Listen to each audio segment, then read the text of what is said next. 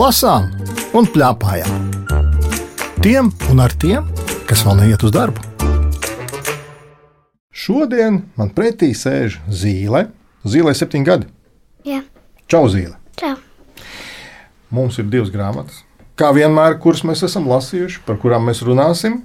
Un abas divas ir lielās, vai ne? Jā, Man ļoti patīk liels grāmatas, kā tev. arī. Saki, lūdzu, vai tev patīk zīmējumi grāmatās? Jā, Pirmā grāmata, par kuru mēs ar zīli runāsim, tās nosaukums ir Svizis. Tās autors ir Marijus Marcinkēvičs, un sazīmējusi ir Līna Dudaite. Lietuviešu rakstnieks un lietuviešu zīmētāji. Kad tu saņēmi šo grāmatu, tu saprati, par ko tā grāmata būs? nē, Nu, bet tā nojauti vismaz. jā. Es domāju, ka būtu pazils. Pa zivīm būtu. Bet tu paskaties, zivs taču tur ir ā, tā kā mazākā. Tur augšā virs zivs ir govs un Cūka. jeb zivēns, kā rakstīts grāmatā. Es paskatījos, un man likās, droši vien, ka būs pa govi. Tev ir kādreiz tā, ka tu ieraugi kādu grāmatu vāku un saki, ah, šito grāmatu es gribu lasīt, tāpēc, ka tur ir kaut kāds foršs zīmējums virsū. Jā, citreiz ir. Bet šim bija par zivi. Īstenībā ir par zivi, vai ne? Uh -huh. Te ir trīs Jā. galvenie varoņi. Es izstāstīšu cilvēkiem, kas vēl šo grāmatu nav lasījuši, kas tad ir un kas uz grāmatas beidzamā vāka ir rakstīts. Es izlasīšu. Vai mazs sivēns var rakstīt dzējoļus, bet govs slidot? Kādi noslēpumi slēpjas ezera melnajās dzīvēs, kur mājo briesmoņi ar zobainām rīklēm?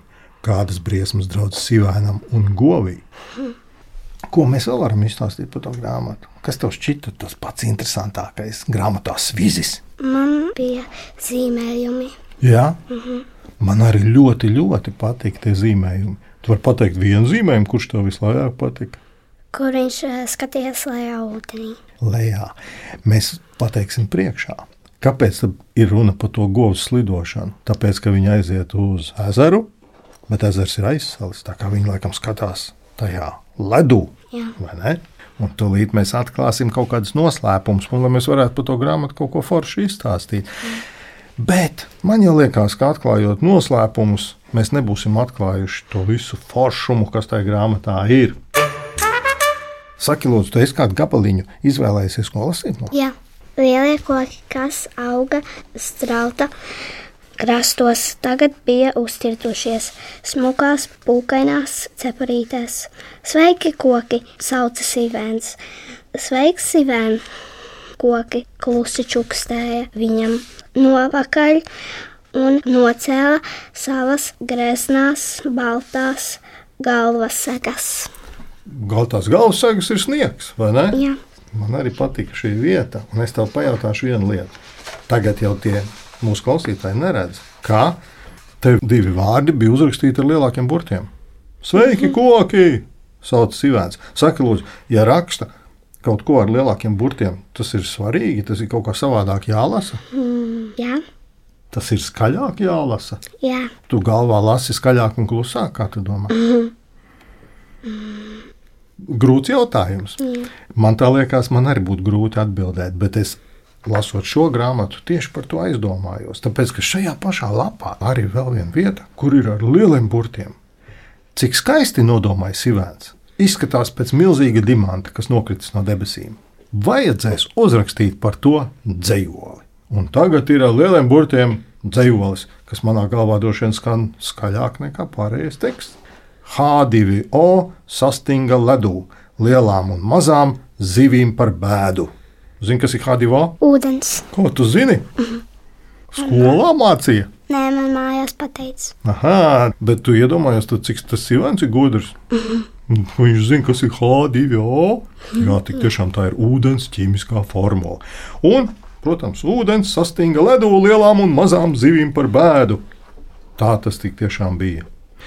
Vai tam līdzīgi, bet ne tikai zinātniski, Sīvēns nodomāja, bet tagad laiks papriecāties, jo kas gan saulainajā ziemas dienā var būt jaukāk par slidošanu uz gludi aizsalušu ezeru.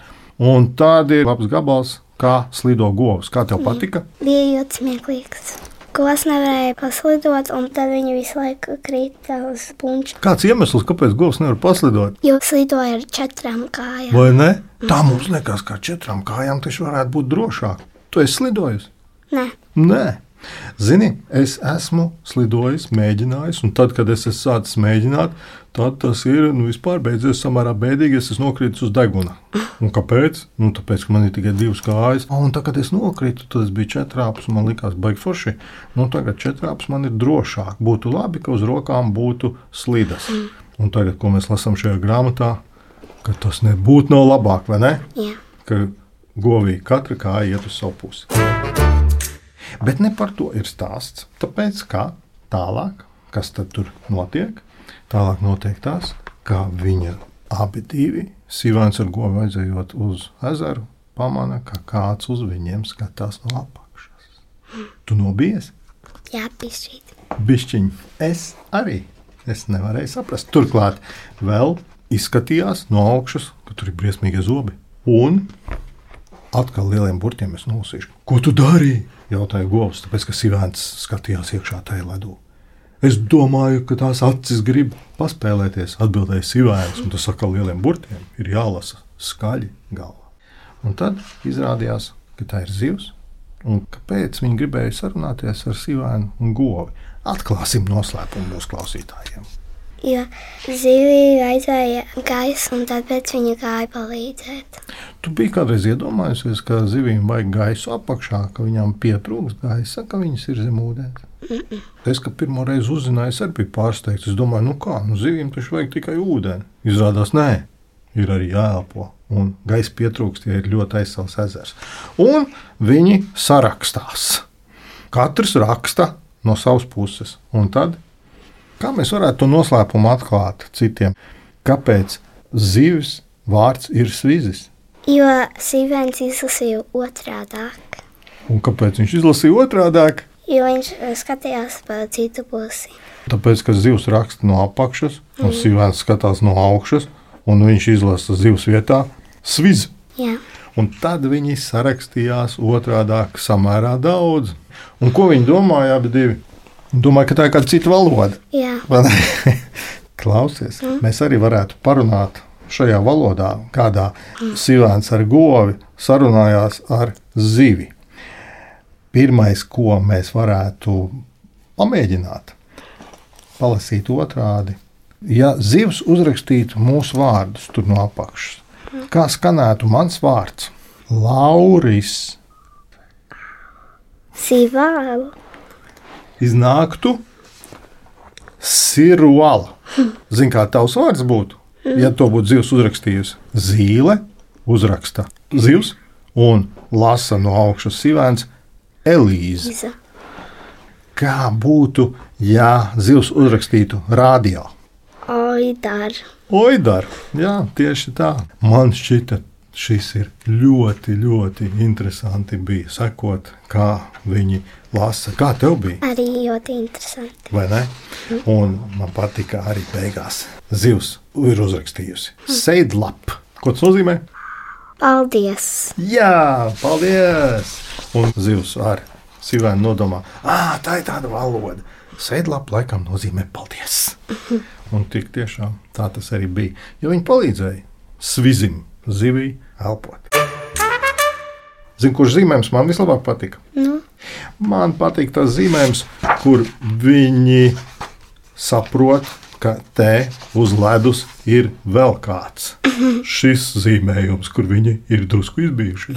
Man šis vislabāk patīk. Un tev kurš bija tas? mans bija šitais. Tur ir uzzīmēts, kad cūka skatās zem ledus. Un cūka ir tās slidas, kas ir baigi forši. vai ne?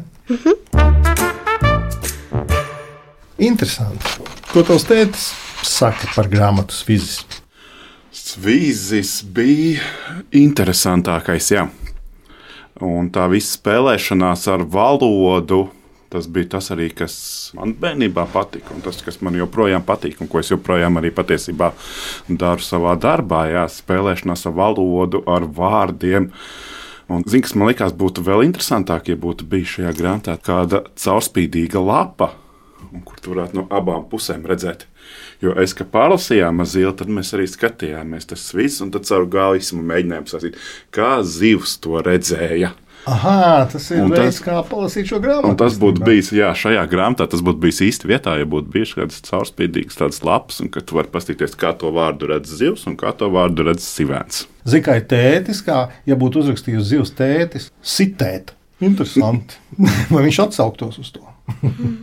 Un arī tas uh, viss uh, izzinošais, jo zīle pēc tam, kad izlasīja to grāmatu, tur viņa ar māmu izlasīja, un māma laikam nemācīja atbildēt. Un tad, kad es atnācu, un tad viņa man sīkīgi stāstīja, kas tajā grāmatā ir. Ļoti interesēs, vai Mārcis Dīķī, kas ir netālu no mūsu mājām, vai tur arī kāds taisa tos caurumiņus, jo zivīm taču vajag gaisu. Tagad tu ziemā varēsi to pārbaudīt īstenībā. Vai ne? To vajadzētu pārbaudīt, vai ir kārtība vai nav.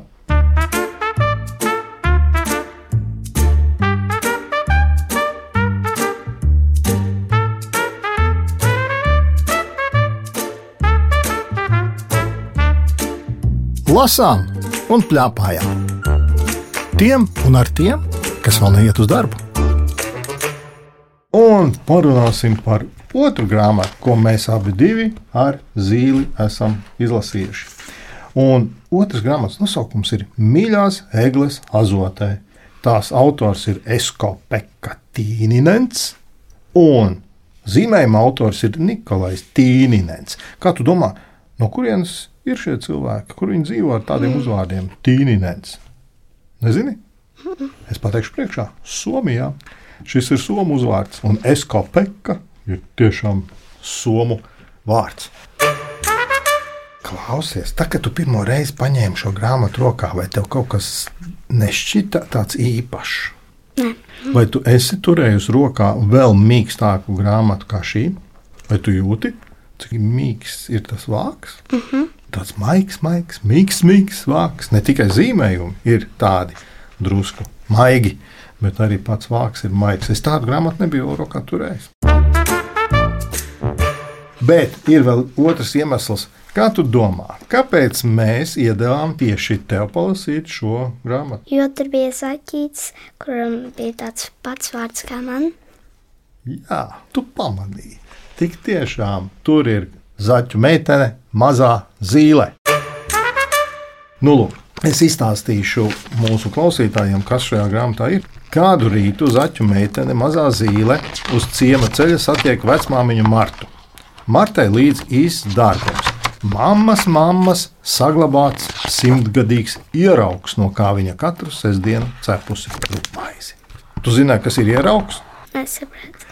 Ieraugs ir tāds maziņš, maziņš pikucītis no mīklas, kur ir tas pats galvenais maizes noslēpums iekšā.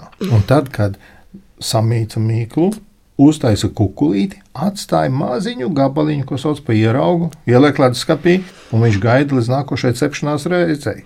Un tad atkal nākošais reizes to ieraugu iemīca mīklā, un atkal iztaisa kukurūzi, un atkal mazu gabaliņu, jeb ieraugu atstāja leduskapī. Un tā tas turpinās visu laiku uz priekšu. Nu tad lūk, vecmāmiņa Marta saka, ka ir atrasts ieraugs, no kā katru sestdienu ir cepta rupmaize. Saki, lūdzu, kas tev vislabāk patīk šajā grāmatā? Man atkal patika tie zīmējumi. Zīmējumi, jā. Tur ir Tur ir mazā zīle un Marta iet paņemt lietas priekš maizītes. Tur ir zeltainā un sarkanā un tāds liels lauks, un, un, un, un viņi ir tajā lielajā laukā iekšā. Man arī ļoti patīk šis zīmējums. Vai tev nedījumā nepatīk tas zīmējums, kur ir šausmīgo spēku spēle? Man vispār patika tā. Saki, lūdzu, tev ir kāds gabaliņš, ko tu mums nolasīsi no šīs stāsta? Vējiņš klusi žināja labību, un zīle rudens ieskautā saules gaismas apspīdēta. Skaistumā pārņemta lūkoja šajā brīnumā, kad tik daudz ir izdarīts, cits citam palīdzot, daba sniedz dāvanu un Šis ir šausmīgs sarežģīts vārds - augstsirdīgi. mm -hmm, Nē, tu lūdzu atkārto šo vārdu, lai visi zinātu. augstsirdīgi rada, kā var izaugt liels, tik skaisti. Tagad zied pašu iekopts lauks. Man te jāpievienojās, tas tiešām ir forši, kad tik skaisti zied pašu iekopts lauks. Man bija cita vietiņa, ko es gribēju nolasīt. Tad, kad uh, Zīle un Marta iet uz mājām, tad ir tā. Kad Zīle un Marta atvēra ārdurvis, priekšnama grīda smaidīja. Es esmu sveicināta, Marta! Cik burvīgi, priekšnams čīks tāpat kā agrāk, Marta laimīgi nopūtās. Šai istabā man sākās dzīve. Māte un tēvs vienmēr teica, kur ir tavs mājas, tur arī ir tava sirds. Saki, lūdzu, tu esi kādreiz redzējis, ka grīda smaida? Nē, Bet tā varētu būt, varbūt vai arī. ne? Un iedomājieties, ka tā grīda saka, es esmu sveicināta, zīlē. Griezt ar varētu runāt. Varbūt. Durvis pēkšņi saka, zīlē, nāc šurp, un viņas atverās. Šajā grāmatā nav nekas tik briesmīgs un šausmīgs? Šajā grāmatā ir ļoti foršs stāsts, kā mēs visi kopā kaut ko ļoti labu padarām, un kā mums visiem kopā labi iet. Un to, ko es pieminēju par to šausmīgo spoku spēli, tā jau ir spēle, ne? Bet tas bija interesanti. Ja, Tā ir var redzēt to spoku bildīti, vai ne? Iekšā. Tev gribējās otrais lasīt. Arī. Man dažreiz ir tā, ka es izlasu vienu tādu foršu grāmatu. Tad domāju, ah, žēl, ka viņi beidzās. Es gribētu vēlreiz. Tā nav bijis tā nekad. Ir. Tāpēc tas grāmatas ir tik vērtīgas, tik foršas, ka gribās vēlreiz izlasīt kaut ko. Varam tikai novēlēt visiem tiem, kas mūs tagad dzird, lai vairāk būtu tādu grāmatu, kuras gribētos vēlreiz izlasīt. Turklāt šīm grāmatām, par kurām mēs šodien runājam, nemaz nav vajag tik daudz laika, lai izlasītu to otrais. Zinu, ko es piedāvāju pašā beigās. Nu? Es nolasīšu šo gabalu. Kad ausa lielā rudens diena lauka vidū uzklāja garu galdu, kur katrs varēja uzlikt pašu nesto cienastu. Bija kāpostu rauši, putraimdesas, pīrāgi, āboli, dzērvenes, baltmaizes pīnes, kartupeļu pankūkas un sacepumi, cukurrauši, brūkleņu ievārījums un pat sulīgā ābolu plātsmaize. Ir tev pilna mute ar siekalām? Jā. Gribās kaut ko no tā? Man liekas, ābolu plātsmaize Man arī. un kādu pierāciņu pa virsmu. Es esmu pārliecināts, ka arī mūsu klausītājiem tagad ir pilna mutes iekalām. Viņi saka, mamma, tēti, es gribu ēst. Jā, mamma un tēti, ejiet pakaļ plātsmaizei, cepiet paši, vai arī paņemiet savu ieraugu, kas stāv leduskapī, un uzcepiet kopā maizi. Tas ir par šo grāmatu. Mīļās eglis azotē. Interesanti, ko tavs teicis par šo grāmatu, var pastāstīt. Mīļās eglis azotē bija tāda tipiska somu grāmata, varētu būt, jo viņa bija tāda nu, skandināviski mierīga un tāds tiešām, ko lasīt bērnam pirms gulētiešanas mazam bērnam, kur varētu satraukties. Jo pat ja tur uz vienu brīdi zaķi spēlēja spokus, tas bija tikai tāda spēlēšanās. Tur nav nekādas klasiskās drāmas, kas tiktu atrisināti. Vienkārši zaķi cep maizīti, un viss beidzas ar vienu labāku. Beidzās ar lielo ēšanu. Man šausmīgi sagribējās ēst pēc šīs grāmatas. Ar zīli runājās Lauris Gunders, raidījuma redaktore Agita Bērziņa, skaņu režisori Valtis Raitums un Reinis Budze. Raidījumu vēlreiz var noklausīties Latvijas Rādio 1 mājaslapā, arhīvā un pašās populārākajās podkāstu vietnēs. Tiekamies!